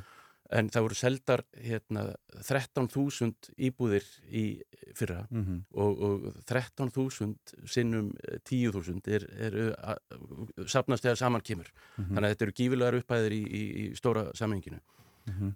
þannig, að, þannig að sko það að, að, að tveir En á móti kemur að seljandir að fá meiri pening. Já, já, og en- lág söluþóknum þýðir ekki alltaf að fá meiri upp á viðskipt Nei, nei, nei, nei, alls ekki. En, en er, það sem ég að segja sko er að, að, að það, það er bara mikilvægt að því það er samningafræðs á Íslandi Mhm. og það er mikilvægt að, að báðir aðilar geti leita til aðila sem þeir treysta og, og þú kannski hefur haft slæm uh, hérna, við, samskipti við uh, Mhm. fasteignarsælan sem, er sem er, kemur fram fyrir hönd sölu aðilans Mhm. og, og, og hérna, hugnast hann ekki þannig að, Mhm. þannig að það er mjög mikilvægt að, að sem, sko, í, í, þar sem er samningarfælsi að þú getur valið þann þjónustu aðila sem, sem þér hugnast Algjörlega samanlæðir Algjörlega Svo er náttúrulega hraðin núna það gríðarlegur, þannig að fólk skoðar ekki með skoðanaskilduna og, og þetta, við erum á, á skrítin tími þegar Já. hvað það varðar Ég, við, erum alveg, við erum öll saman um það þetta Já. er náttúrulega bara stjórnlaus vitlisa veist, við erum öll saman um það Já. og sérstaklega akkurat í þessu og maður náttúrulega reynir í, sko, í framhald að opna húsi að hérna, auðvitað veit ég ekki alveg hvernig aðri vinna þetta, ég bara tala persónulega reynslu að ef að við upplifum það að eftirspurninni það mikil, segjum svo að sé opið hús og mikil eftirspurnin að opna húsun á mánudegi þá segjum við oft við tilbúrskjafa bara höfum það rólegt, veist, við munum sapna saman tilbúðum á morgun og á miðvikudaginn, seljandi verður hjá okkur klukkan 12 á 50 daginn þannig við höfum alveg tíð og tíma Mm. hins vegar með ástandskoðunina sem dæmi að nú er það valkvættur kostur fyrir kaupendur að gera ástandskoðun uh, En það í svona hraða, þá tefur það allt ferðlega, þá verður uh, missur ég að bila af vegna því að þú vill láta skoða. það er nefnilega rosalega mikið veikleiki Já. vegna þess að ég segi við oftast við mína seljendur að það má færa rauk fyrir því að kaupandi sem að gerir ástandsskoðun og óskar eftir ástandsskoðun vegna þess að, að tilbúðskjafi eða verður svo margir þá eru þeir svo hrættir um það að tilbúðinu verið ítt út á borði af því að þessi fyrirværi til staðar. Já. en ég segi alltaf í mína seljendur og ég mæli með því að seljendur bara á markanum hugsi að það eru rauk fyrir því að svo sem er með ástandsskoðunum fyrirvara er rauninu með sterkara tilbúð heldur en svo sem er ekki með ástandsskoðunum fyrirvara. Vegna þess að dómstólar hafi tekið það þannig að ef það verður ágreiningur sem fer til dómstóla að þá hef hafa dómstóla sem byttu þú ástandsskoðarhúsið og ábyrðin færist meira og minna öll á kaupandan Mhm. ekki nema að koma eitthvað upp á á milli þess sem ástandsskoðan er gerð á af afhendingu. Við- Því miður það komast við ekki lengra. Þetta er auðvitað rísastór umræða sem við þurfum bara að taka betur hér í morgunundarpunum við fyrsta tækifæri. Mhm. Breki Karlsson formaður neytindasamtakana og Páll Heiða Pálsson fastegnarsali, takk kærlega fyrir komuna. Takk Bestu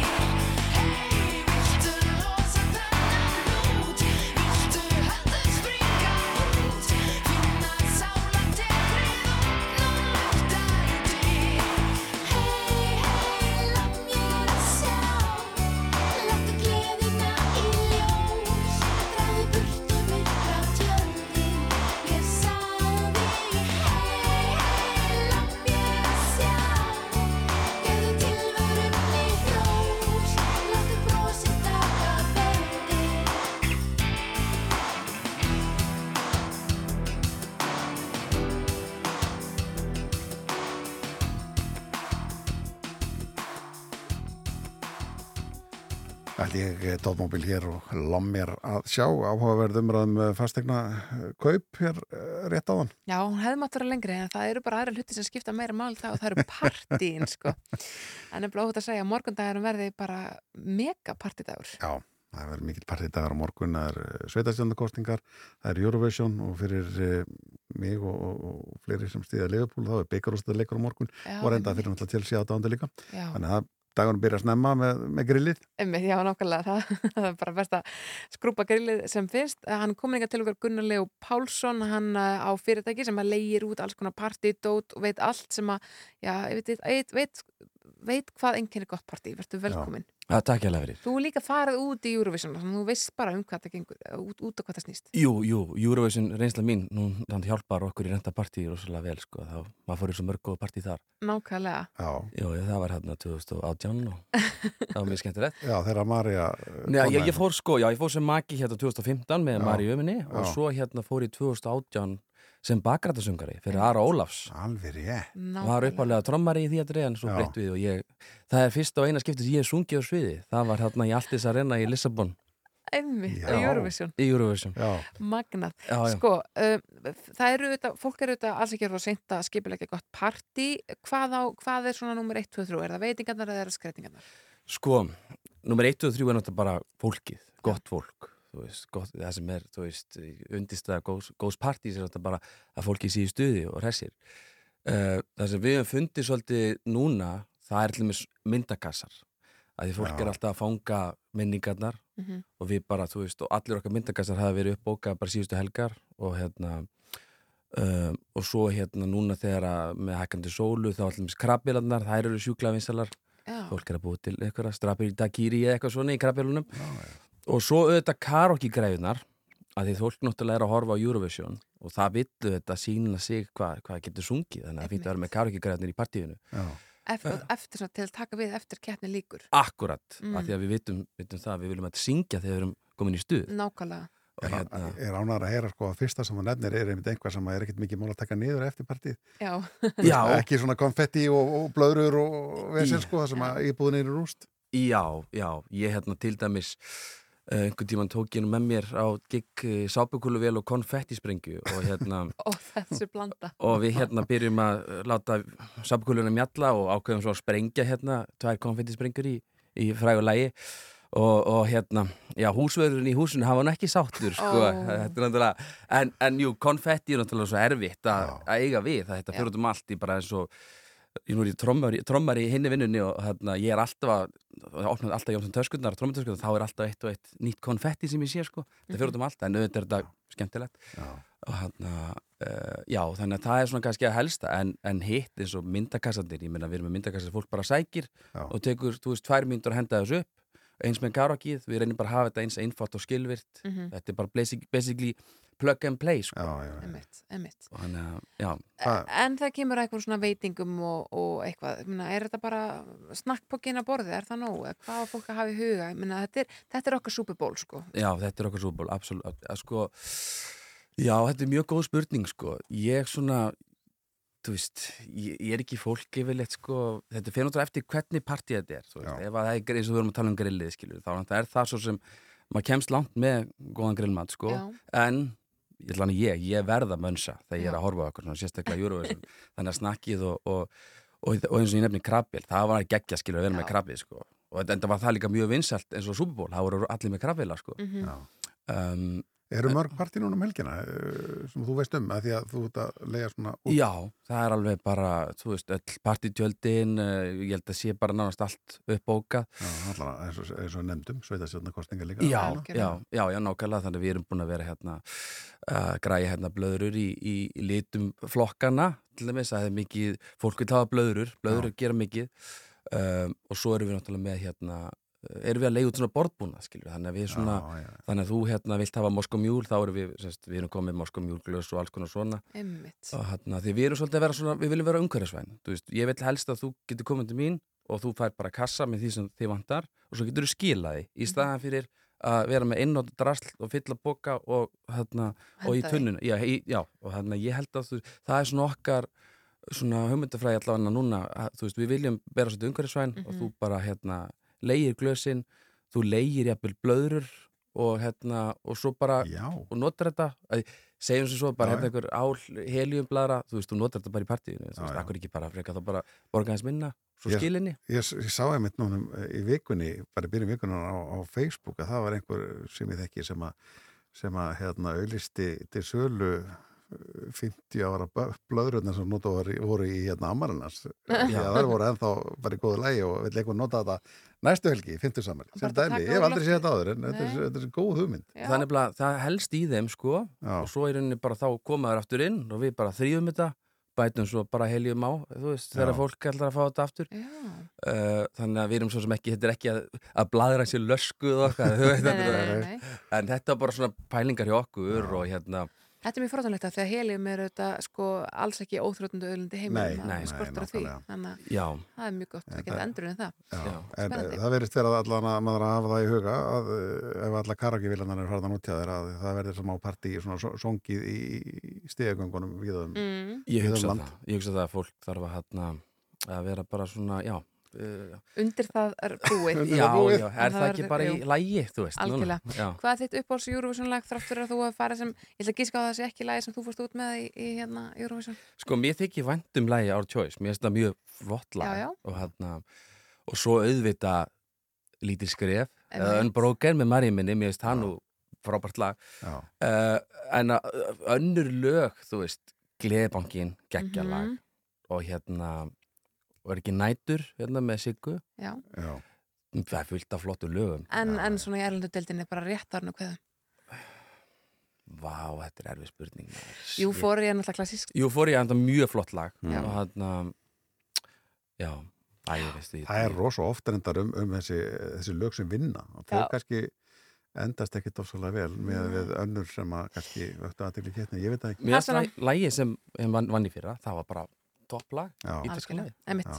Gunnar Leo Pálsson, takk aðeinslega fyrir að koma til okkar og segja ykkur hvað þarf að hafa í Eurovision og sveita kostningapartíinu. Við Ingvar Þór Björnsson verðum hér með kostningavöku annað kvöld í útarpinu ykkar fyrir þau sem að ætla að klára Eurovision og hlusta á útarpið, heyra fyrstu tölur og svo verður uh, samkvöldu Eurovision stemning á rásin í dag bæði í morgunverkunum hjá Dodda Já. og í poplandinu hjá Sigga. Sigga og Rósu, væntanlega. bara- Já, vantalega. Þannig að farið ekki langt og við þakkum fyrir okkur í dag.